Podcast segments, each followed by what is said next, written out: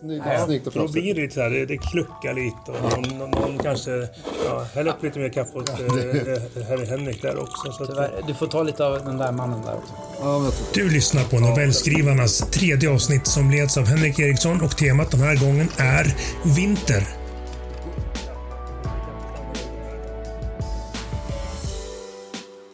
Dagens tema, vinter. Jag jag tänkte att det skulle passa bra nu när vi är i adventstider att vi skriver vin vinter också. Men hur är det att skriva? Vad är det man gör innan man skriver? Alltså hur, hur förbereder ni er när ni, innan ni börjar skriva? Ja, eh, vi har ju olika eh, trender där. Vi, vi gör ju olika saker. Eh, jag till exempel grunnar mycket, funderar mycket. Skriver ganska lite inledningsvis utan går och bollar i, i huvudet.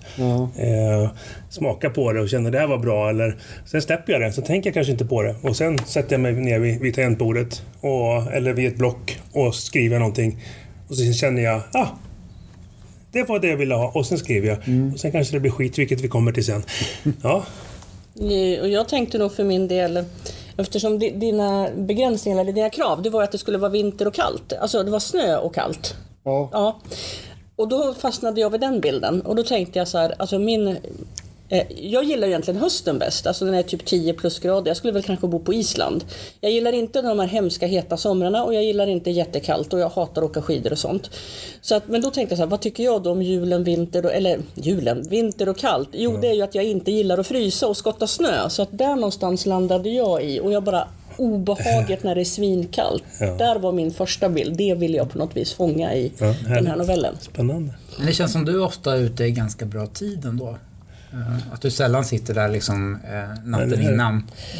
Nej, det gör jag nog inte. Eh, nej, Hur händer det? När, när sätter du dig ner på, på stolen och börjar knattra? När skriver du med vid tangenterna eller sitter, har du penna och papper och gör anteckningar först? Eller hur funkar det för dig? oj vad svårt eh, att svara på. Eh, grejen ni kommer, när jag läser den här novellen så kommer ni eh, känna igen vissa saker. Så att just den här blev egentligen den här egentligen slog mig direkt hur jag skulle bygga den och ni kommer förstå när jag läser novellen.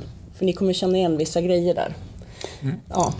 För mig handlar det väldigt mycket om att gå runt och fantisera. Alltså, eh, man, man går runt i en liten drömvärld och, och bygger upp och framförallt karaktärer. För jag, har- jag har famlat lite grann och jag måste hitta kring det karaktärer med ett annat projekt, som jag, längre projekt. Jag måste hitta karaktärer. Men nu tror jag att jag hittat en karaktär. Så jag ska, och då fantiserar man hur hans bakgrund han är, vad han gör. Och, och sen så har jag också, så, som nästan alltid gör, plockar någon, någon liten idé, någon myt eller någon, någon händelse. Och så spinner jag runt den händelsen. Alltså en enstaka och bygger upp en värld, en scen runt detta.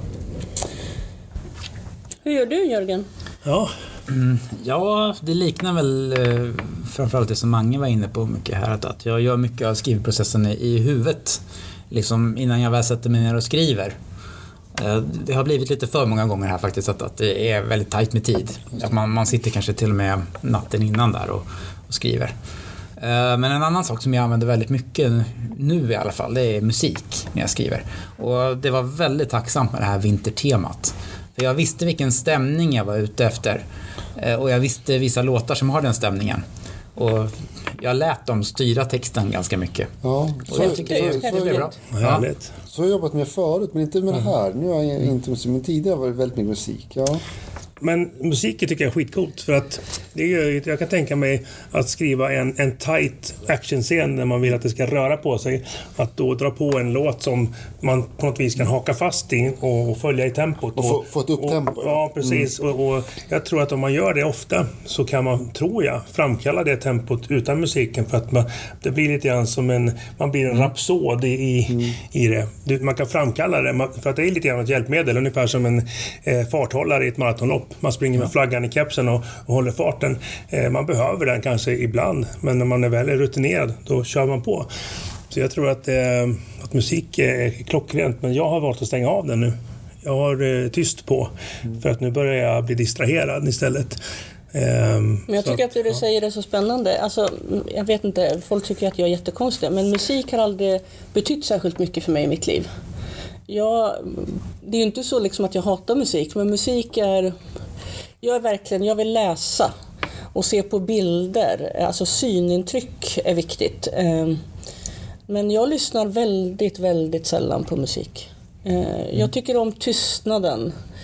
Ehm, Ja, jag vill tolka själv på något vis. Ja, Jag vet inte. Jag, använder, jag lyssnar väldigt, väldigt, väldigt sällan på musik. Nu tvingas jag väl kanske för jag är en tonårsdotter liksom, genom att hon alltid kör musik. Men, men eh, nej, musik låter så konstigt, men musik betyder inte så mycket för mig. Jämfört med läsningen. Nej, men så kan Det det är inte så konstigt. Min, min fru brukar säga samma sak. Alltså jag är ju helt eh, fanatisk. Alltså jag, jag är med i en musikgrupp som delar en låt varje dag, liksom hela året. Och sådär. Men hon brukar säga det att, eh, det att det inte är så kreativt. Att bara ta emot liksom, när man lyssnar så mycket på Jag musik. tycker jag är lite fult. Så får man säga. Nej. Men alltså för mig så är, blir det mer en kanal. Alltså Ja. jag blir mer kreativ. Eller hur? jag. Okej. Så jag kan använda musiken som en sorts språngbräda liksom. Och, eh, för den här musikgruppen har, har inneburit ett... Det har blivit jättebra för min kreativa process har jag märkt. Mm. Fast det tar skitmycket tid liksom att skriva varje dag ett Mm. ganska långt inlägg på Facebook och så. Det, det hörde Torgny Lindgren säga för, för länge sedan. Att alla har en första konstform. Och att hans första konstform inte var skrivandet utan att det var musiken som egentligen var hans första konstform. Och för mig är det lite samma. Det är inte skrivandet som är min första konstform utan det är teatern som är min första konstform egentligen. Och, och det tror jag det påverkar också mitt sätt att, att skriva. Eller min- skrivande Ja. process påverkar det rätt mycket. När du säger det så kan jag se det. Med, med den detaljrikedom som du ofta har i dina Ja. berättelser. Att det är teater. Ja, Just att man får se scenerna målas upp liksom i med rekvisitan och allt det här. Liksom. jag, går in, jag skriver ofta inifrån mina karaktärer. Mm. Eh, Jag, jag blir karaktärerna. Så jag förbereder mig med att andas så, så blir jag mina karaktärer. Det blir en method acting fast i Ja, ja, skrivande precis, form. där. Det är ja. fantastiskt. Ja. Jaha, men vem ska börja läsa Vinter då? ja. Varsågod Lotta. Ja, ska jag börja då? Ehm, får vi se här nu om ni känner igen, men jag, jag tror att ni kanske gör det. Huset var i ett perfekt julskick. I alla rum lyste adventsljusstakar och årets julgran var ovanligt praktfull där de levande ljusen brann stilla medan Jussi Björlings och Helga natt höll dem sällskap. Robert kände frid inombords. Han älskade verkligen julen. Och så maten. Bordet var fullt av de rätter som hörde julen till. Skinka, sill, köttbullar, revbensspjäll, risgrynsgröt, Janssons frestelse och så förstås den obligatoriska spettekakan. Hans fru Anna hade bott över 20 år i Sörmland vid det här laget. Men det var inte bara de skorrande ärren som levde kvar. Det gjorde även vissa av de skånska maträtterna och det uppskattade verkligen Robert. Vad vore livet utan all god mat? För en gångs skull var det också en makalöst vacker vinterjul. Redan i november hade kylan och snön kommit och även om det blev en del skottande för hans del så gladdes han åt sina två små pojkars glädje när de dagarna i ända var ute och rullade runt i snön. Och när de kom in med röda kinder och rinnande näsor så kände sig Robert som den lyckligaste mannen på jorden. Han klirrade i glaset och harklade sig. Välkomna allesammans till detta vackra julbord. Robert log och slog ut händerna menande mot alla rätter som så lockande spred sina dofter. Ja, som ni alla vet så blir det ingen riktig jul för mig om den inte firas här på Teklagården. Jag och brorsan, Robert nickade mot sin bror Niklas, har ju alltid firat jul här, liksom pappa och farfar före oss. Och att ta över en gård innebär inte bara ett hårt arbete. Det innebär också att minnen och traditioner ska förvaltas. Jag vet att några av er muttrade i morse när det blåste och yrde som mest. Men för min del är morgonbesöket i kyrkan obligatoriskt på julafton. Och det kan inga snöstormar i världen sätta stopp för. Niklas barn skruvade otåligt på sig där de satt i sina finaste kläder. Matilda i en röd samhällsklänning, Moa i en vit klänning med puffärmar och så Nils som låg i Sofies famn klädd i en liten blå bomullskostym. Robert var glad för att Sofie äntligen såg lite piggare ut. Nils hade haft en tuff start sedan han föddes åtta veckor tidigare. Han hade drabbats av både gulsot och kolik och det hade av uppenbara skäl inte blivit så mycket sömn för mamman. Niklas passade på att bryta in. Tack för att vi fick komma i år igen och jag och Sofie vill uttrycka extra tacksamhet just detta år eftersom ja, vi har inte mäktat med att bidra med något ätbart till julbordet denna gång. Som ni vet har det varit kaotiskt hos oss. Han kastade en kärleksfull blick mot sin fru. Robert skrockade lätt och la huvudet på sned. Ja, men det är ju självklart. Vad har man annars storebröder till? Robert blinkade med ena ögat och det framkallade en del fnissande runt bordet. Utöver Robert och Niklas familjer så var även Annas syster Malin med detta år. I vanliga fall brukade hon fira jul tillsammans med Pelles familj. Men eftersom de hade beslutat sig för att gå skilda vägar under sommaren så hade hon och den tonåriga Molly tagit tåget från Helsingborg för att vara hos dem denna jul. Och möjligen var väl Malin det enda som störde Roberts julefrid. Hon hade gått hårt åt fördrinkarna och började bli märkbart berusad. Han kunde se att Molly hade svårt att slappna av. Som tur var hade hans mamma lovat att hålla ett öga på Malen under kvällen och han kunde se att Margareta klappade Molly lugnande på handen. Ja, då återstår väl inget annat än att utbringa en skå... Någon bultade hårt på ytterdörren. Alla blev knäpptyst sittande med sina höjda glas. Vem kommer på oannonserat besök klockan sex en julaftonskväll? Som på en given signal utbytte Anna och Robert blickar och reste sig för att gå och öppna. Robert fattade inte vad han såg först. Eller rättare sagt, han såg ju mycket tydligt vad det var som han hade framför sig. Men hans hjärna kunde inte få ihop det han såg med någon form av sammanhang. Han blinkade förvirrat. På trätrappan, i skenet av de tända marschallerna, stod tre män i 20-årsåldern. Trots kylan och de blöta och tunga snöflingorna som föll hade de inte några ytterkläder. De hade endast på sig något som påminde om pyjamasar. Ljusblå mjukiskläder. En av killarna hade en svart collegetröja över det ljusblå och en svart keps som det stod Kiss på. Själva skärmen var röd och hade formen av en tunga. Den första vettiga tank tanken i Roberts huvud var därför det där är ju inte ens lik Gene Simmons tunga. Männen frös och de skakade. De stampade oavbrutet med fötterna i marken i ett tafatt försök att hålla värmen i sina tunna vita joggingskor. Please, please, please can, can, can, can we come in? Niklas hade kommit upp bakom rådet, Robert och nu fnös han föraktfullt.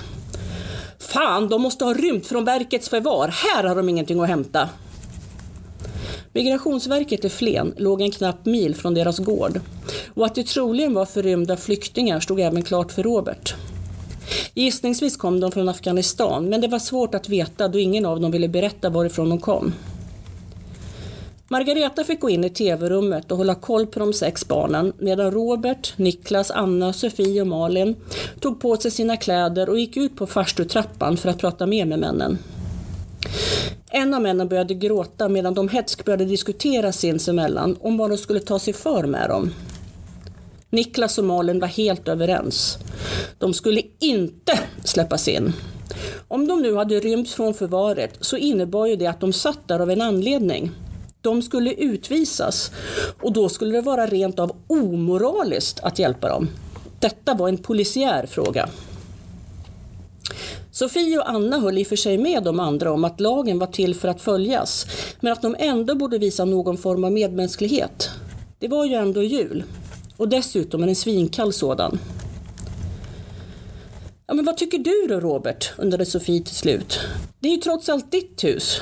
Eh, vill du släppa in dem eller ska vi ringa till polisen? Robert tog av sig sin tjocka mössa och kliade sig betänksamt i hårbotten innan han tog till orda. Ja, Anna, vi har ju gott om mat i alla fall. Gå in och hämta några papptallrikar och, och fyll dem så att de åtminstone inte behöver vara hungriga. Niklas harklade sig ljudligt och drog iväg en spottloska över gårdsplanen innan han hånfullt sa Fyll då tallrikarna med extra mycket skinka. Du sätter ju scenen väldigt tydligt där i början. Alltså målar upp en rätt, alltså nästan idyllisk eh, jul. Med ja, gran, skinka, mat, vintrigt och mus ja, musiken. Det är så... Och vansinnigt bra att göra för en, en svensk publik som kan klä den här scenen helt mm. på egen hand. Mm. Utan att skriva den på näsan så kan jag höra Arapapapapapapapapaparia och Karl-Bertil och, och, och allt det här. Och, ja, men det, det, då, är, då är vi ju där. Jag är ju där direkt. Jag vet ju precis vad, hur det ser ut. Jag behöver inte fundera. Mm. Rödlackerad ljusgris med stearinljus i och julgodis och stressade släktingar och, och annat ja. stök. Ja, nej, men ja. Det, så du vet hur det var ett kaos? Ja, precis. Ljus, det var snabbt fångat. Ja. ja, men i det här så det, det här bryts ju då när, när de här flyktingarna knackar på dörren. Ja. De förstör ju den här idyllen eller de tränger in i den här svenska verkligheten. Oh ja. Där de redan har ett skådespel klart för sig på något sätt som de, som de spelar upp och det är jättemysigt och sådär. Mm. Och de reagerar på olika sätt, det är ju ja, intressant. Är eh, som han Niklas, det är ju mm, rent rasistiskt känns ja, det som. Ja, Medan ja. de andra kanske har en lite mer... De blandar humanism med, alltså de är ju liksom, eh, ja det är en, en, en hel flora av, en tvärsnitt kan man tycka av, av Sveriges Ja. Men det som är intressant är att du bryter, att det, att det är julen, så du bryter mot julens budskap. Alltså mm. varför firar vi jul? Och det är det som gör att det blir lite extra spänning. Ja, precis. Hade, tillbaka till det. Hade det varit en mm, fredagskväll som beskrivs hade det inte blivit samma Nej. känsla tror jag. Sådär. Är ni med? Ja, men precis. Det här goda, genom, genomhärliga julfirandet ja. blir då i kontrast till den, den snåla eh, misantropiska eh, stolligheten eh, mm. som inte vill ta emot dem och några vill ta emot dem och det blir som det skär sig så hemskt. Ja. Och sen, jag vet inte, jag, jag, det jag tänkte på det var att de här eh, svenskarna då som sitter och firar jul. Eh, ja. För det första kan jag säga att den här gården, den är ju inspirerad av mina kompisar som bor på en gård utanför Flen. Ja, ja. Mm. Det är förstås inte dem det handlar om, men jag såg deras gård framför sig. Mm. Sen har jag ju faktiskt jobbat på Migrationsverket i Flen mm. eh, en, en kortare tid, men jag under flyktingvågen, så att det kommer inspiration därifrån också. Men när jag skrev det här, alltså de fryser så förbaskat de som bor på den här gården så de tar ju på sig alla sina kläder för de vet ju inte hur de ska göra med de här männen. Men de tänker ju inte på att ta med sig några kläder till de här tre som står och fryser där utanför. Ja, just det. Och då liksom på något vis då när Robert tar av sig sin mössa, han står där med sin tjocka mössa när han ska klias i huvudet och fatta någon typ av beslut. Så att och det kände jag, att det var så omänskligt. Jag, han tycker att de kan få lite mat, men de håller ju på att frysa ihjäl där ute på gårdsbacken liksom. Och de reflekterar inte ens över att Nej, de är mer upptagna med, med att Sina hantera egna, att julen ja, är förstörd. För, ja. Alltså att någonting har hänt där som är ett litet brott med deras fina julfirande. Ja. Det är väldigt långt bort i deras tankar. Ja. Eh, egentligen de här människorna som står där och fryser halvt ihjäl. Jag tycker det där är ett, eh, man skrev här också i mina anteckningar, ett vykort från verkligheten. Det fanns ju det är en otrolig närhet. Det var skitbra. Jag lyssnade eh, och det är ett bra tecken när jag eh, hakar i och, och följer med i historien och inte börjar tänka på annat.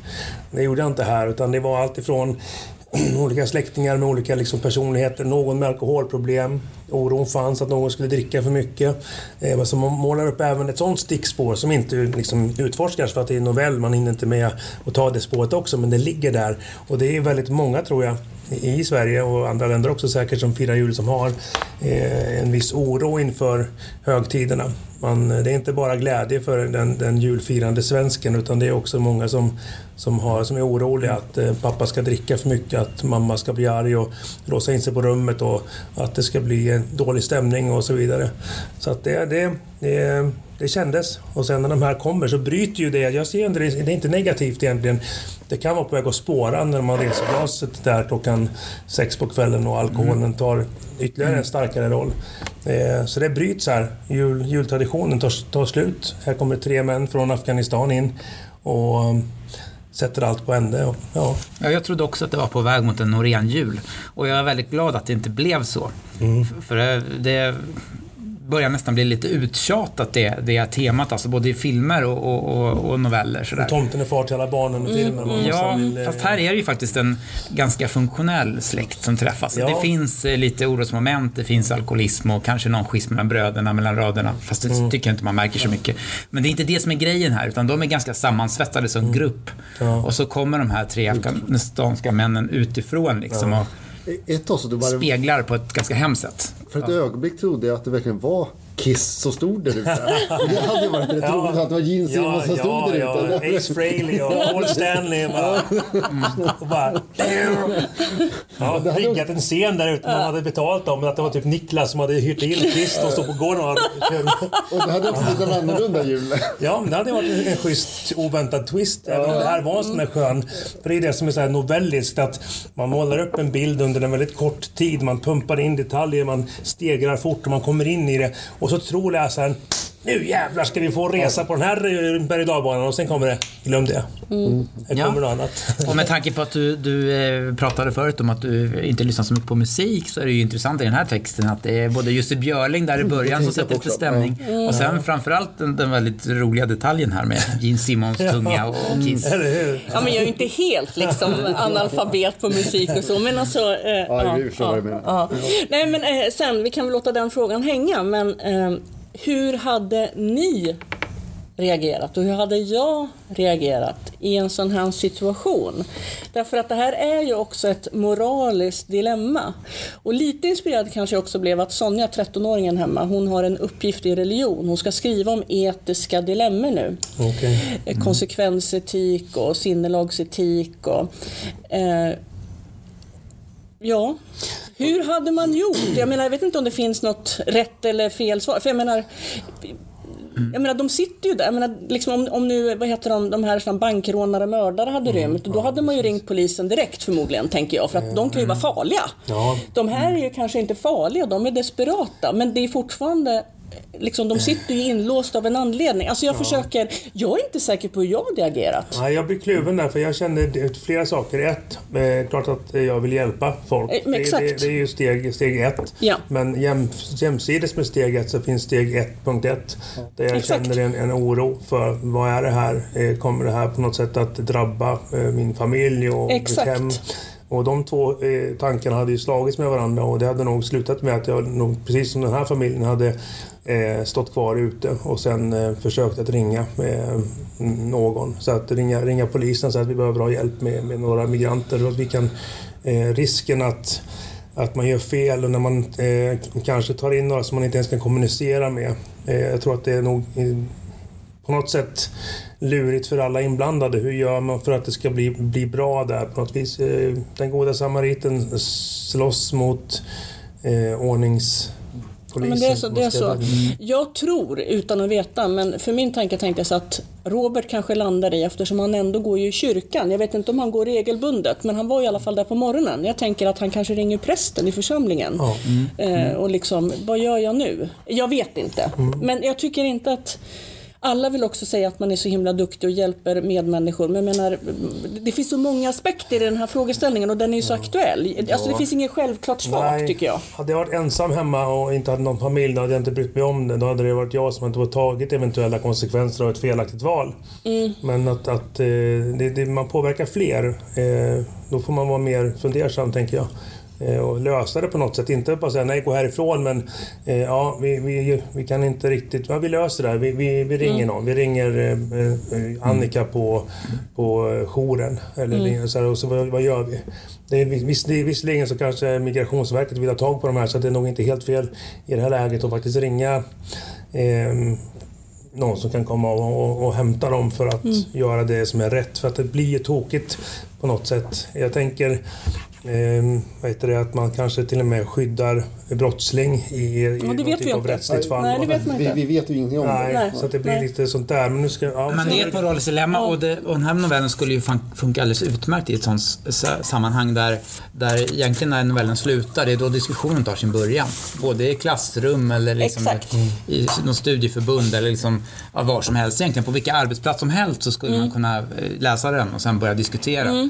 Och det blir kanske ganska tydligt då hur man själv eh, står i det här. Eller liksom, Eller också blir det inte det. Men att det inte är så lätt. Mm. Nej, det är inte svart eller vitt. Nej. Nej. Ja. Okej. Ska vi eh, gå ja, till ja, nästa? det gör vi. Ska jag? Ja, absolut, kör. Jörgen, tar och läser sin. Mycket bra. Eh, det är roligt att, att, vi, att vi skriver så olika tycker jag. Den heter Du och jag dansande snöänglar. Jag vandrar i ett nattligt vinterlandskap. Snön sprider ett blåaktigt sken i skogen. Träden är som frysta skelettdelar runt omkring mig. Mina kängor krasar mot skaren. Ibland sjunker jag ner. Jag har sagt ditt namn tusen gånger nu. Föreställ mig att du går här bredvid mig. Du har varit med mig i tankarna hela november och halva december. Trots att jag försöker gå så tyst som möjligt låter det som mina steg ekar i den tysta skogen. Djuren måste höra mig på kilometers avstånd. De kanske står blickstilla och ser på mig nu. Jag är inte rädd för djur. Det är människor som gör ont. Jag sänker ner mig i natten, centimeter efter centimeter. Varje liten del av min kropp längtar efter dig. En gång stod jag så nära att jag kunde känna doften av schampot i ditt hår. Jag är fri här i skogen. Fri som hararna och rävarna och rådjuren. Det är inte som med människor. Du är jag fast som i en bur. De vaktar på mig från alla håll. Jag vill skriva sånger om hur du och jag vandrar i snön. Jag längtar lite hem till min gitarr. Men så minns jag hur ensamt det är rummet och huset är nu för tiden och längtar inte mer.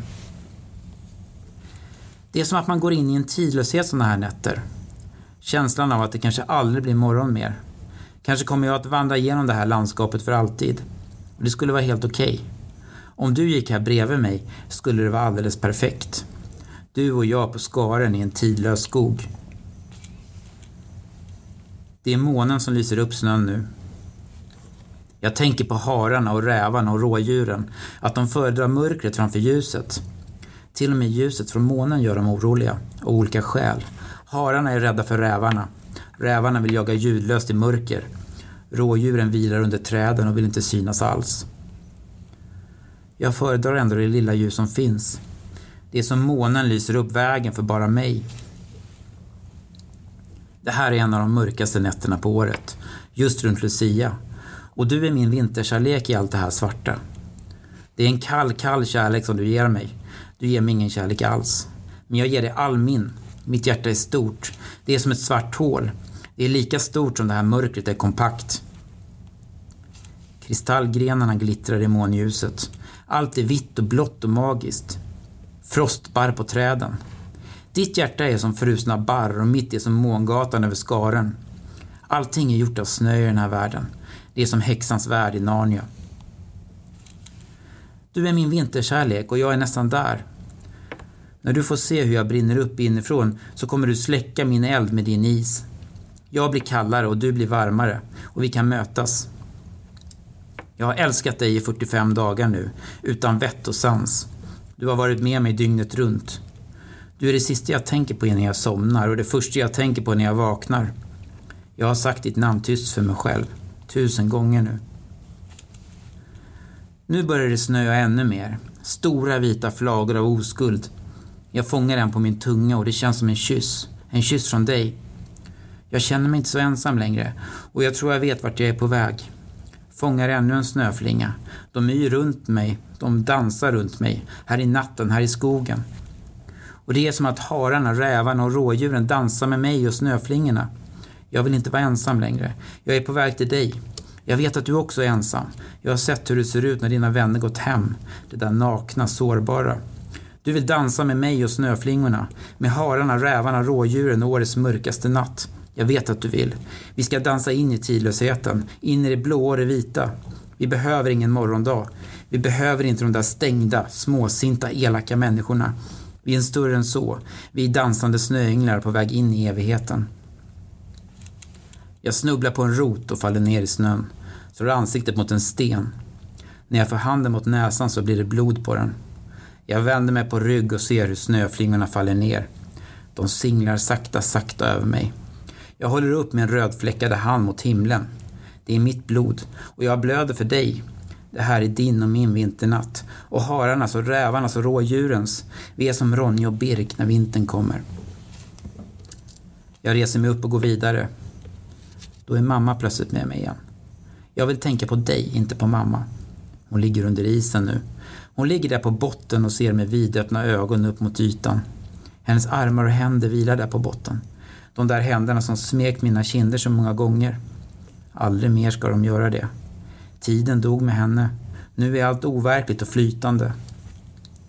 Den enda människa som någonsin har förstått mig gick ut på isen den där mörka decembernatten och kom aldrig tillbaka igen. Hon singlade ner genom det mörka vattnet. Det måste ha varit en vacker bild.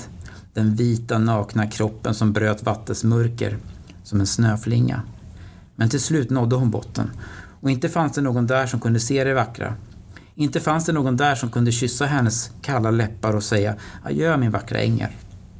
Hon föll neråt istället för att stiga uppåt. Men vissa änglar gör tvärtom. Nu ser jag ditt hus. Nu tar skogen slut. Det är släkt förstås. Ni har gått och lagt det för länge sedan. Jag ligger här med mina harar och rävar och rådjur. Jag tar upp min lilla kikare ur jackfickan. Jag riktar den mot ditt rum.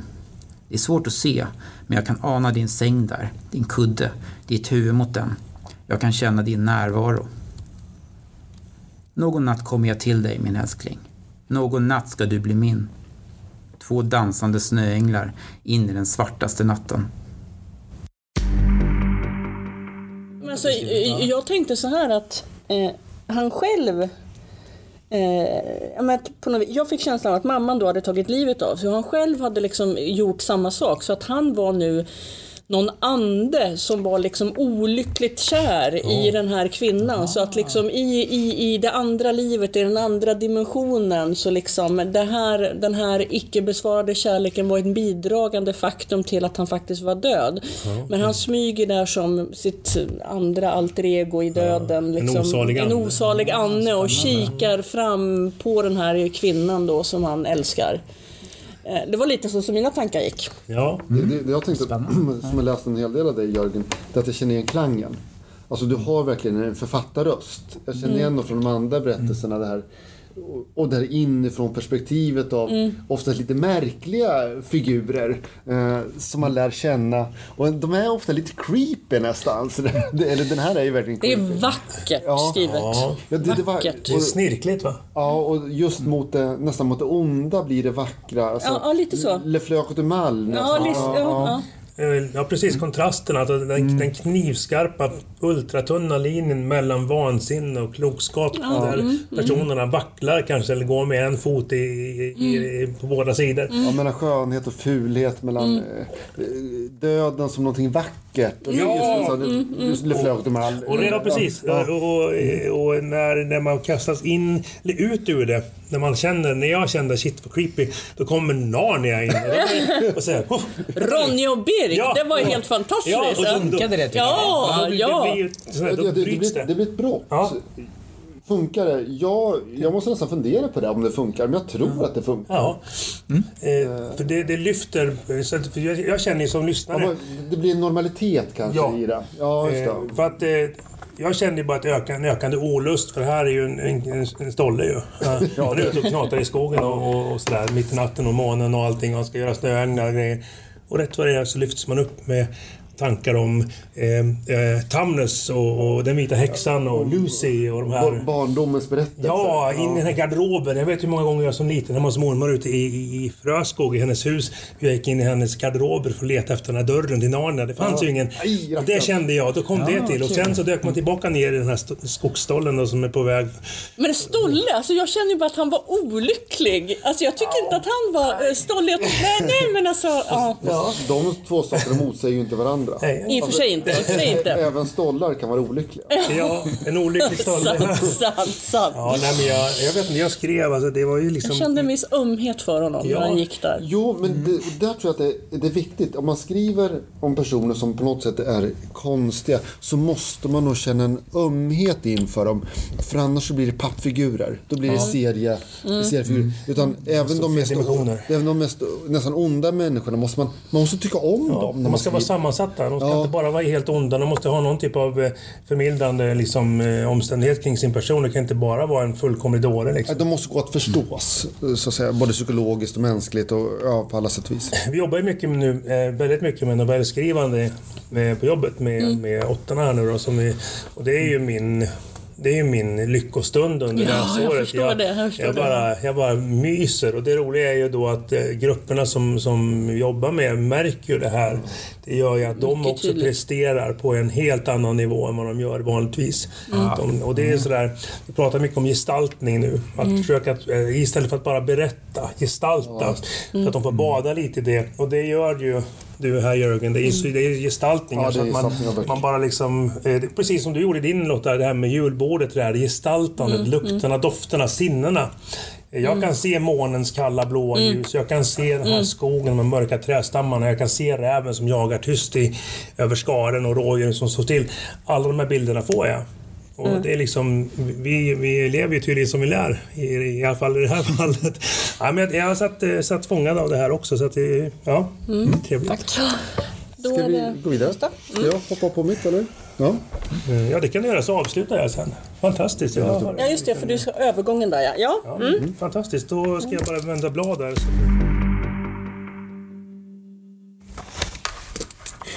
Julottan i Spelviks kyrka.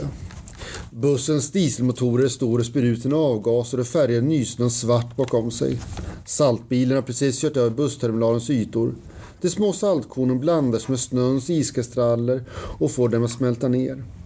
Åke Delander stegar in i bussen, nickar med ett leende åt busschauffören som ett glatt utbrister ”God Jul” samtidigt som Åke blippar sitt busskort. Den lite speciella julstämningen finns där ombord på bussen. Alla är sådär lite extra artiga på julafton. Efter honom stiger det på en glöggfryntlig herre i 60-årsåldern som ljuvligt berättar att han ätit julmiddag med sin son och sonhustru och tre barnbarn men att det nu är dags att ge sig av hemåt. En tjej i övre tonåren kliver också ombord på bussen. Hon är finklädd med tunna strumpbyxor och en röd sammetskjol. Men för att inte frysa för mycket har hon tagit på sig bara kraftigt fodrade gummistövlar. Sådana där som jägare brukar ha. Det ser alldeles för stor ut för hennes alldeles fortfarande spinkiga, flickiga kropp. Hon måste ha lånat stövlarna av någon. Åke undrar lite lätt vad, som, vad hon gör på den här bussen som ska ta henne rakt ut på landsbygden via väg 223. De tre, buss, de tre passagerarna sätter sig till rätta i sina säten. Busschauffören tittar bakåt i backspegeln och bussen rullar iväg. Radions musik avbryts med ett trafikmeddelande från P4 Sörmland om att en älgko med kalv förvirras in på E4. Men det är inget som kommer att beröra dem. Mörkret har fallit, men åkare har inga problem att orientera sig om vad det är längs vägen. Husen är välbekanta och ljuset från de små byarna lyser med jämna mellanrum upp vägen och ger upplysning om hur långt det kommit. Mannen i sexårsåldern kliver av vid den så, så, länge, så länge sedan nedlagda affären i Runtuna. Nu är det knappt fem minuter kvar tills Åke ska plinga för att kliva av vid sin hållplats. Bussen saktar ner för en lite besvärlig kurva och så är det dags för Åke att kliva av. Han vinkar till chauffören och tackar för åkturen och säger god jul till flickan som inte hör något eftersom hon har på sig stora hörlurar. Hon lär inte frysa om öronen i alla fall, tänker Åke när hans fötter möter snön så knarrar lite lätt. Temperaturen närmar sig minus 10. Just då när snön börjar knarra, för det har de egenskap som gör att de börjar knarra och luften känns torr. Nu har Åke åtminstone en kvarts promenad i mörkret och kylan innan de fram till sin, sin sommarstuga. Värmen är inte på, men det brukar inte ta lång tid för kaminen att värma upp rummet till en dräglig temperatur. Visserligen kommer han behöva lägga in ved fortsatt under natten, men inga problem som var länge sedan han ändå fick en ostörd sömn under en hel natt. Bröstsmärtan blir som en del av livet och gör sig allt som oftast påminna om natten. Det som gjort att små korta nattliga promenader som blev en vana och sen en rutin. Att lägga in några pinnar i kaminen under natten var en enkel sak. Julafton med familjen hade varit trevlig men orkade inte med sällskap under en längre tid utan ville söka ensamheten i stugan. Han kommer precis som flickan från bussen att dämpa omvärldens brus med musik när han kommer fram till stugan. Även om deras musiksmak med all sannolikhet skiljer sig en hel del åt. Han behåller ytterkläderna på när han går in och tänder kaminen med ett par tändklossar. På bara några minuter sprakar den hemtrevligt och mysigt. Han sitter kvar nära elden på en pinnstol och värmer händerna mot elden. I väskan har med sig lite julmat men han är fortfarande övermätt från middagen. Åke reser sig och ställer undan pinnstolen med en viss möda, skjuter fram en mjuk fåtölj så nära brasan han vågar och häller sedan upp konjaken och smaksätter med en skvätt punsch. Guldkant kallas tydligen den drinken som han stort sett bara dricker till jul. Så framlider julaftonskvällen och Åke somnar då och då för att åter vakna och lägga in några pinnar på den falnande elden. Han beslutar sig för att ändå lägga sig i sängen för att försöka sova ordentligt. Länge och väl ligger han och vrider på och vänder på sig. Han påminner sig om att för lite sedan hörde han begreppet lakanskräck. Alltså så fort man la sig mellan lakanen så blev det som omöjligt att somna. Men å andra sidan kan slumra i fåtöljen eller på soffan. Han kikar på den gamla klockan på väggen och det slår honom att han faktiskt skulle ta en promenad till Spelets kyrka för att gå på julottan där. Åke knyter om slipsen och drar kavajen och sin röda lammullströja. Sedan kokar han upp vatten på gasspisen och häller över vattnet långsamt genom kaffefiltret. Han drar smörkniven över rågbrödet och lägger en skiva julskinka med rikligt med slotts grova senap. Han känner sig förvånansvärt pigg och smärtan i bröstet har släppt trots att han inte tar någon värktablett. Han dricker upp det sista kaffet och visslar lite på Stilla natt. Ute biter kylan i kinderna, men den raska promenaden till kyrkan håller honom varm. Kyrkporten står lite på glänt och glider lätt upp. Han förvånas över att det knappt är några bilar utanför, men kyrkan är nästan helt fylld av människor. De är klädda i pälsar och kraftiga ytterrockar. Åke slår sig ner längst bak i kyrkan och plockar upp psalmboken. Prästen framme vid altaret är för Åke välbekant, men det är inte den vanliga församlingsprästen. Prästen snurrar in sig ett resonemang kring julens glädjebudskap och att vi ska glatt fira vår frihet som Herren skänker oss. Så småningom klingar den sista salmen ut och alla tackar varandra och skakar hand. Prästen kommer fram till Åke och skakar också hans hand. Du kommer till julottan lite för tidigt märker jag, men jag hoppas att du uppskattade sången och predikan. Jag tror nog att vi kommer ses snart igen. Känn ingen oro. Tro på Gud och tro på mig. I Faderns hus finns många rum. Julens ljus kommer att leda dig. Prästens ögon är varma, men hans handtag är kallt som is. Åke förstår inte vad prästen menar, men önskar god jul tillbaka och börjar sin, van- sin promenad hem igen. Ingen av bilarna har flyttat sig och det är tjockt med is på rutorna. Väl hemma tar han fram sin mobil för att se efter på kyrkans hemsida vem som hade julottan när spel vid kyrka. Men på hemsidan står att det ska vara jullåt i Ludgå i Lids kyrka. Men spelets kyrka nämns inte alls. Konstigt. Han läser igen och blicken når klockan på mobilen. Den är 05.46 nu. Farfarsklockan på väggen visar fel. Det har gått ett varv eller stugan, lägger in mer ved och tar ytterligare ett varv. Som en hästspark vrider smärtan runt i bröstet. Åke undrar om nu är slut och den sista hjärtattacken har kommit. Det strålar ut i armarna. Han fattar tag i bokhyllan för att inte famla omkull av smärta. Då får han se ett gammalt fotografi av prästen som nyss hållit julottan. Men det kan inte stämma. Du är hans gammelfarfar, han som tjänstgjort hela sitt liv som präst där ute. Men han dog ju för, för redan på 50-talet.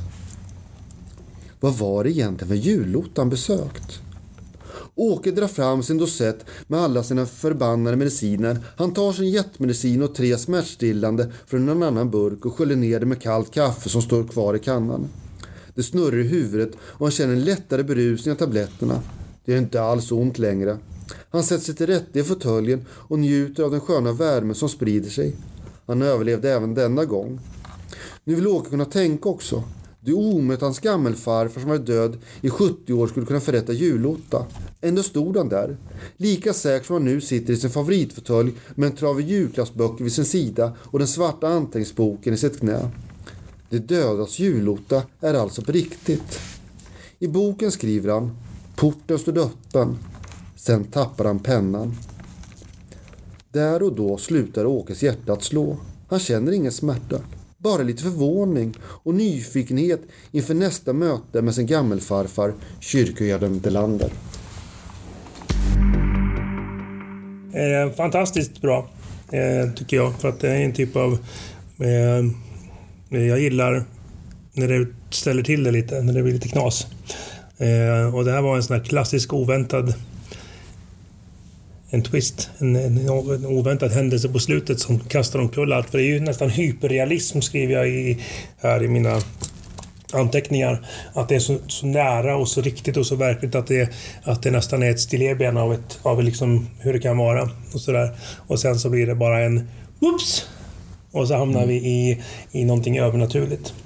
Eh, men ändå ett tvivel på det onaturliga för att det är så att han har gått in i någon typ av slutfas. Att kroppen börjar taxa ut, att han har liksom gått och fått en psykos eller kanske fått en CO2-överdos eh, i sommarstugan. Jag vet inte, men jag väljer att tro att, eh, att han faktiskt har varit i kyrkan och upplevt den här eh, ottan. Det, det dödas julotta. Nej, jag gillar den. Bra. Mm. Eh, nej, och jag känner ju att eh, det var flera saker som slog mig, men det ena är ju att faktum är att det är jättemånga som får hjärtinfarkter just på julen. nej men alltså, ja, men det låter som en simpel, men alltså det, det är det. Alltså tittar man på, eh, nej men så är det ju massor med misshandel och så för folk super, men alltså det är så stressigt kring jul. Eh, Eh, och man ska laga mat och släktingar och rena med varandra och sen äter man och dricker man för mycket. Fet mat och alkohol. Ja, ja men precis. Mm. Eh, så, så, jag kände precis som du säger eh, Magnus att realism, alltså det här skulle verkligen, verkligen, verkligen kunna hända och det gör ju det varje jul. Mm. Och jag fick också den där tanken att när han åkte då från sin, sina barnbarn, då var, alltså frånskild, lite ensam eh, och det förstärker också, man är lite ensam och lite olycklig frånskild eh, och han bor där, han kanske har haft skulder tänker jag så han bor där i någon eh, ja, sommarstuga. Det är sommarstuga. Jag tror inte att han bor där. Utan det är, han, han, okay. han, jag tror att han bor i en lägenhet i Nyköping. Ja, men det är ju inte, rikt, det är inte nej, riktigt det, det, det, klart. Så jag tänkte så här, men han kanske har hyfsat mm. nyligen genomgått alltså, en skilsmässa, mm. eh, har dålig ekonomi, eh, känner sig ensam, olycklig. Mm. Alltså jag, jag, kände liksom verkligen realism. Ja. Eh, usch, jag kände bara så här, nej, det kanske kommer hända i verkligheten. Det är ett varsel. Det där kommer ja. hända i en sommarstuga där ute på ja. landsbygden. Men det är det som är skönt med just den typen av, när, när ändå är hyperrealism och detaljerna hopar sig och man får den här härliga canvasen av allt som sker. Så finns det ändå ett, ett, mm. ett man kan tolka lite grann som man vill. Jag känner ju bara att det här är en, en man som har som har, eh, som har blivit utnött på socialt eh, sammanhang mm. och vill vara själv. Och drar sig undan, precis som ett djur som känner att det är på väg att dö, så drar det sig undan i mm. skogen för att lägga sig ner och, och dö. Den känslan väcks i den här mannen med, med, med just eh, sättet han beter sig på bussen, där han på något vis connectar med folk och sådär. Som att man liksom man säger hej. Mm. Hej då, mm. vi ses. Mm. Eh, jag har ganska mycket att säga här, men får välja jag ska jag säga. För det första så tycker jag att det är en, en, en väldigt komplett och bra novell. Mm. Eh, för jag satt och väntade på twisten på slutet. Jag tänkte att det, man kan ju skriva en novell också som är en, en, fin stämningsbeskrivning. Och det, man, jag var ju där med den här mannen och med snön och, och på tal om sinnesintryck och sånt förut. Mm. Det är ju väldigt bra på detaljer och sinnesintryck. Men sen kommer ju den där vändningen på slutet ändå. Eh, som gör att den liksom blir ännu starkare. Mm. Och den bygger ju också vidare på en, på en tradition tycker jag med De dödas julotta och eh, sådana typer av eh, noveller. Det finns ju flera, men är det Selma Lagerlöf eller är det Strindberg? Vem är det som har skrivit det, den? Här, det dödas julotta, det går tillbaks tidig medeltid så finns det berättelser om ja, och om och om igen. Så Selma mm. Lagerlöf har ju också tagit upp och skrivit ja. om det dödas julotta. Strindberg säkert också. Det är jättemånga som skrivit om det dödas julotta. Att man kommer lite för tidigt. Ja. Mm. Och, och, och så är det där redan igång liksom. Och ofta så är det så räddas då Eh, personen av sina släktingar från att slita sig sönder av, ah, av de döda. Men här är så, han kommer att dö. Det är så här, du är lite för tidig. Mm. Men... Ja, ja. Jag ska säga att jag uppfattar det här som en spökhistoria. Och, jag, jag, eh, jag, har själv varit inne på det, jag tycker det är väldigt fascinerande det här eh, tillståndet runt döden. Eller precis ja. innan och precis efter. Och när det nästan omärkligt går i varandra. Mm. Tanke... Jag, jag, ser på döden mycket så. Jag tror kanske att... Min tanke var ju att skriva en spökhistoria. Ja. Mm. Mm. Men sen har vi fler saker här. Men sen som ja. säger, jag vill ju att den ska vara, är det sant eller inte? Mm. Tvivlet där mm. måste finnas. Ja. Ja. ja, det är bra. Sen, eh, du har ju väldigt mycket bra, bra detaljer, men jag tycker framförallt om det här med bussen som ett litet universum. Där du liksom hoppar runt bland olika människor på bussen. Liksom. Ja, planeter då, eller? Ja, ja precis. Uh, Sen så är, vi, är, det roligt, eftersom jag precis har närläst din roman här, att vi är tillbaka i närheten av Ludgåsocken. Ja. Och, och, det här lokala, det, det, är ju alltså det är mycket vunnet tror jag. Liksom, när, man, när, man, när man vågar ta till sådana detaljer och placera det på en plats som faktiskt finns. Också för sådana människor som inte har en aning om hur det ser ut här. Men det blir, man känner ändå eh, lokala förankringen. Ja, det, är lättare, det är lättare att skriva då. Ja. Som Lotta gör med, med Flen och, att det, man får en, närhet i... och De som är härifrån kan ju känna igen sig och vet hur vägar ser ut och sådär. Och, Ja, väg 223 har man ju åkt på och varit nära att krocka flera gånger Ja, det på den här halkiga, vintriga vägen. Ja, Ja, ja. usch vad hemskt. Ja. Då är det frågan om vad som kommer här Ja, på... vad, vad har du skrivit om då? Magnus. Eh, Vad har jag Magnus? hittat på för någonting? Ja.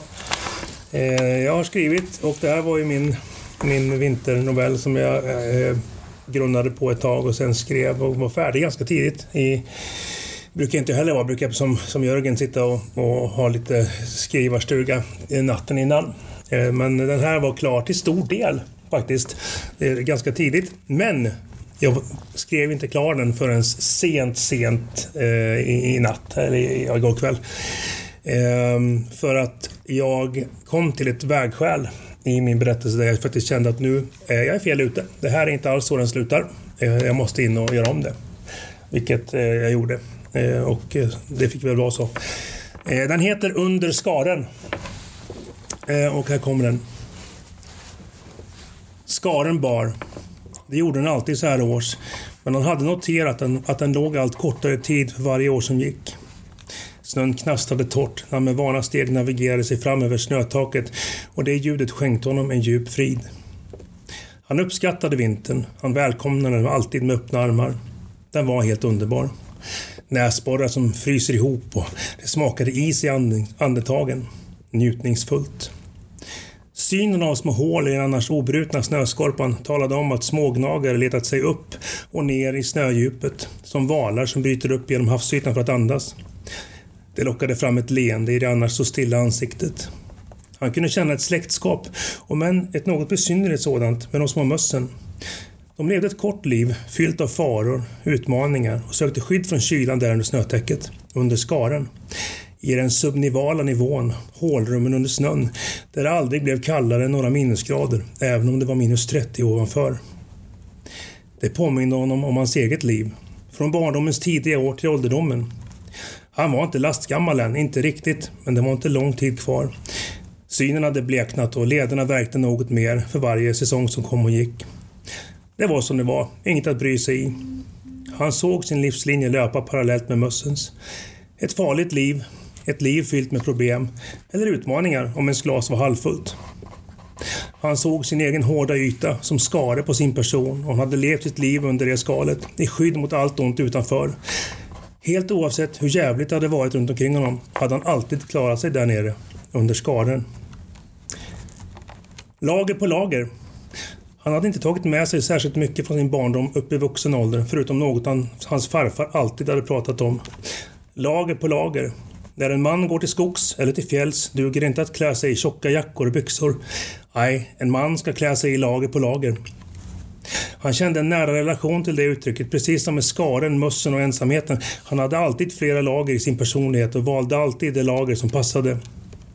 De hade hjälpt honom att gräva sina, sina egna gångar genom livets subnivala nivåer, under livets skare.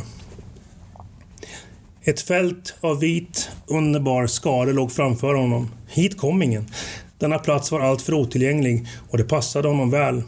Allt han såg här var det bara han som fick nöjet att betrakta. Snön och isen som tyst bredde ut sig och gömde livet under sitt täcke. De kala träden som nakna sträckte sina fingrar mot himlen som om de bad om nåd. Det var så innerligt och så underbart vackert att han ofta fann sig yr av syrebrist. Uttrycket “beauty so deep it takes your breath away” kändes passande. Så hade det varit sedan första gången han kom hit med farfar. De hade varit lika varandra, det visste han. Han hade känt det direkt och han visste att farfar hade känt det också. Det hade liksom klickat till första gången de såg varandra i ögonen, långt innan han hade kunnat klä sina känslor i ord. Och efter det hade bandet funnits här. Det var därför farfar hade tagit med honom ut på skaren om vintrarna och lärt honom hur den samtidigt kunde vara både härlig och hemsk.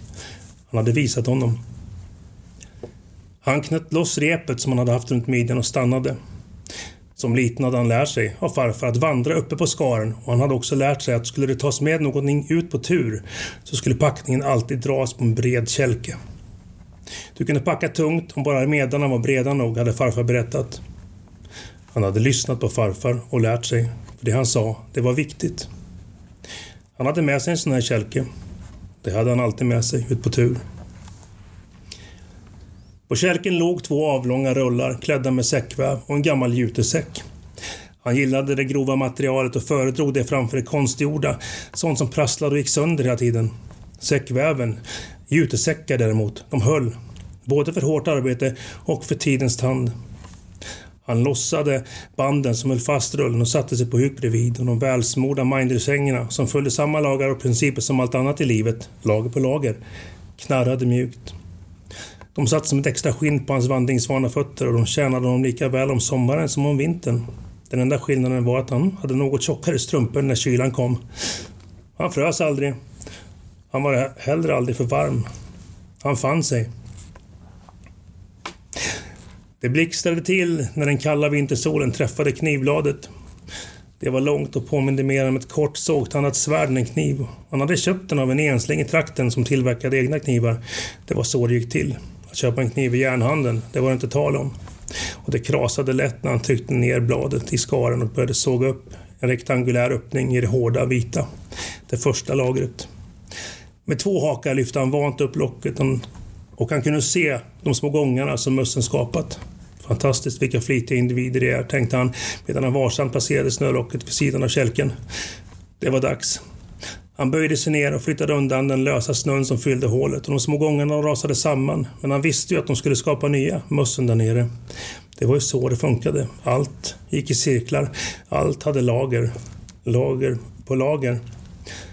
Den nyligen blottlagda isen låg blank och svart och i kraftig kontrast med den omslutande snön. Och han såg sig själv i den blanka ytan. Ett fårat ansikte märkt av livets ibland obarmhärtiga stormar.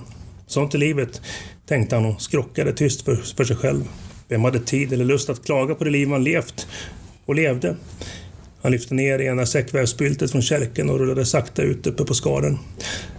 Förutom de goda råd från sin farfar hade han också tagit med sig farfars verktyg. Stabila, starka och mycket dugliga verktyg hade farfar lämnat efter sig. Det var en plikt att hålla samma standard nu som farfar alltid gjort. En rad verktyg låg blänkande på säckväven i vintersolen. En såg, en liten kolpacka och flera sorters knivar. Det fanns också en rejält tilltagen fiskeutrustning där. Ett par pimpelspön som han med handtag i kork, pirkar och flera rullar med lina. Farfar var alltid utrustad för att klara sig. Lager på lager. Eh, han greppade tag i sågen som han hade fått av sin farfar med rådet Ta väl om tingen så tar tingen väl hand om dig. Han hade följt råden noga och sågtänderna blänkte i vintersolens skarpa sken. Och med van hand sågade han upp en öppning i isen. Och med hakan lyfte han upp isbiten och la den åt sidan. Det var dags nu. Han drog av sig det yttersta lagret, sedan de två mellersta lagen och till sist det allra innersta. Inom loppet av en sekund stod han spritt språngande naken i snön framför isvaken han nyss hade skapat. Han hade bara kängorna på sig. Det var dumt att få köldskador, tänkte han. Han drog ner det andra byltet från kärken och lade det bredvid isvaken han nyss öppnat. Jutesäcken lät han stå kvar. Ligg nu där och vänta, sa han tyst medan han drog ut fötterna ur kängorna och hoppade ner i vattnet. Det var så innerligt kallt att han först tappade förståndet, fotfästet. Det var som att livet flydde ut genom hans hud och han såg ljuset tvingas ut ur sina ögon. Så var det alltid. Och när han var liten hade han varit rädd för det här. När farfar hade varit med honom. Paniken och dödsångesten var två av de många lager i livet bestod, som livet bestod av och han var inte rädd för det längre. Det var som det var och han älskade det. När pulsen och tankarna återvänt från mörkret från djupet tog han fart och simmade upp, upp och upp. Han forsade upp i isvaken och landade i snön. Huden blåaktig och knottrig som tuppskinn. Han såg troligtvis inte klok ut, men det fick ju vara som det var. Här ute fanns ju ingen som såg honom, även om han struntade i vilket. Han stod på knä framför det andra byltet. Det fick lov att vara kallt en liten stund till. Det gjorde ingenting. Det skulle snart vara över. Med ljus på händer som darrade lätt knöt han upp de två snörena som höll samman byltet. Snabbt rullade han ut det och plockade upp en tjock handduk. Det är okej att frysa en stund här ute, men det dög inte alls att bli nedfrusen. Då kunde det gå illa. Han skrubbade sig ordentligt med det grova bomullstyget och så fort han kände värmen återvända drog han på sig sina kläder igen. Lager på lager. Han arbetade sig varm. Det var det bästa. Du blir inte varm av att sitta stilla, det förstod väl alla. Och inom kort var alla spår av isbadet borta och släden stod återigen redo. Snart skulle han få ge sig av hemåt igen. Snart. Han lyfte upp jutesäcken och gick fram till isvaken. Säcken var tung, men skaren höll.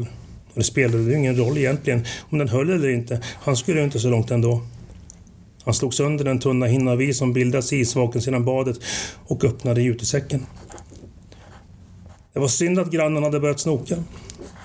Börjat fråga om saker han inte hade med att göra. Och det var tur att skaran var stark. Han hade inte orkat att pulsa sig fram genom snön för att ta sig hit. Han drog in ett djupt andetag och stängde ögonen. Sedan lät han jutesäcken spilla sitt vidriga innehåll ner i det mörka vattnet.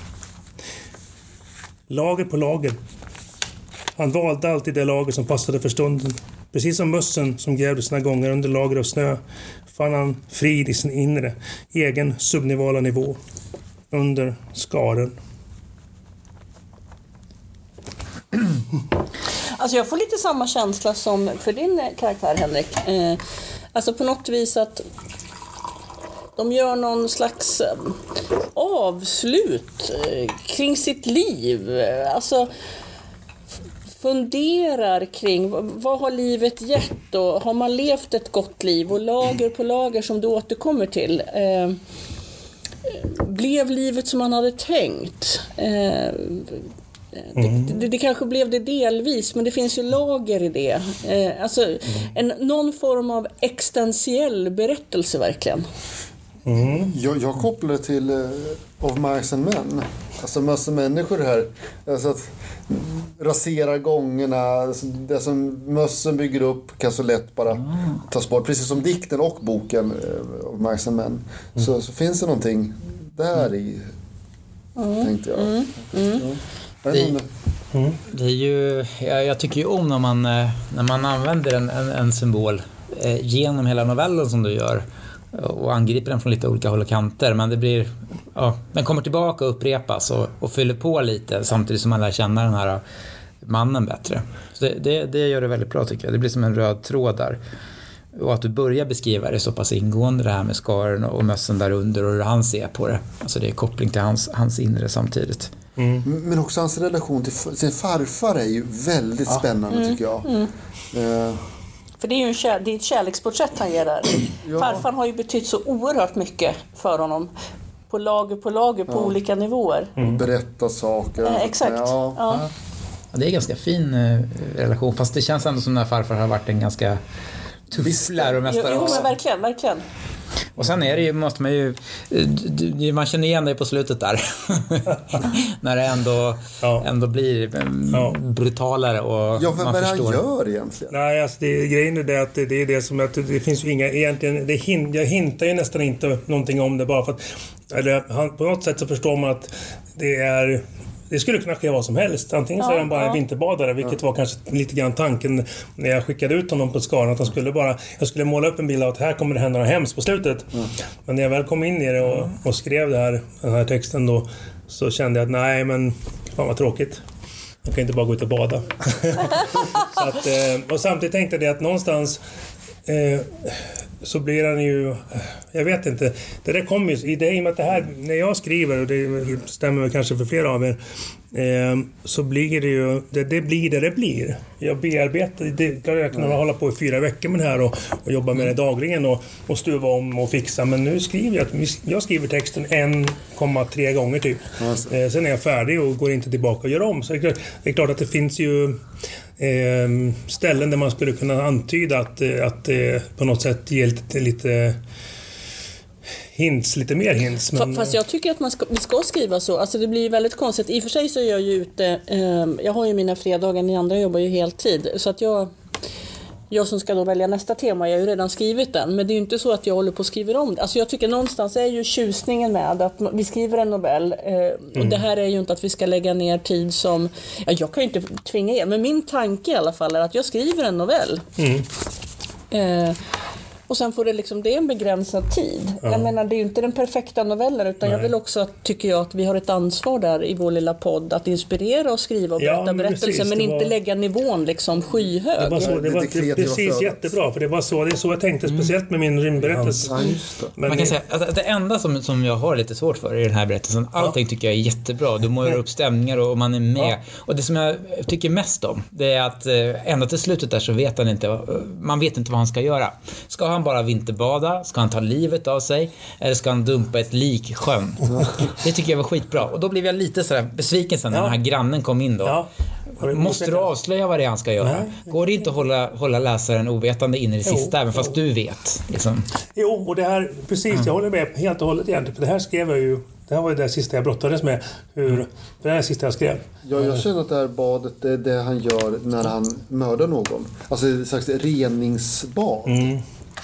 Ja, så kan det vara. Vi, tiden flyr. Får tacka så mycket. Jag tror det har varit fyra olika berättelser. Alla har varit intressanta. Alla har ju följt temat och, och kanske också kastat ut oss lite grann i, i vägar som inte har riktigt gått tidigare. Så att, eh, tack verkligen för det här avsnittet. Tack för det. Tack, Tack, för det. tack, tack, tack. Du har lyssnat på novellskrivarnas tredje avsnitt och denna gång var temat Vinter. Medverkar i avsnittet gör Henrik Eriksson, Lotta Fagerholm, Jörgen Leidebrand och jag själv, Magnus Edgarsson. För redigeringen, Magnus Edgarsson. Vi hörs snart igen. Ha det bra! Tja!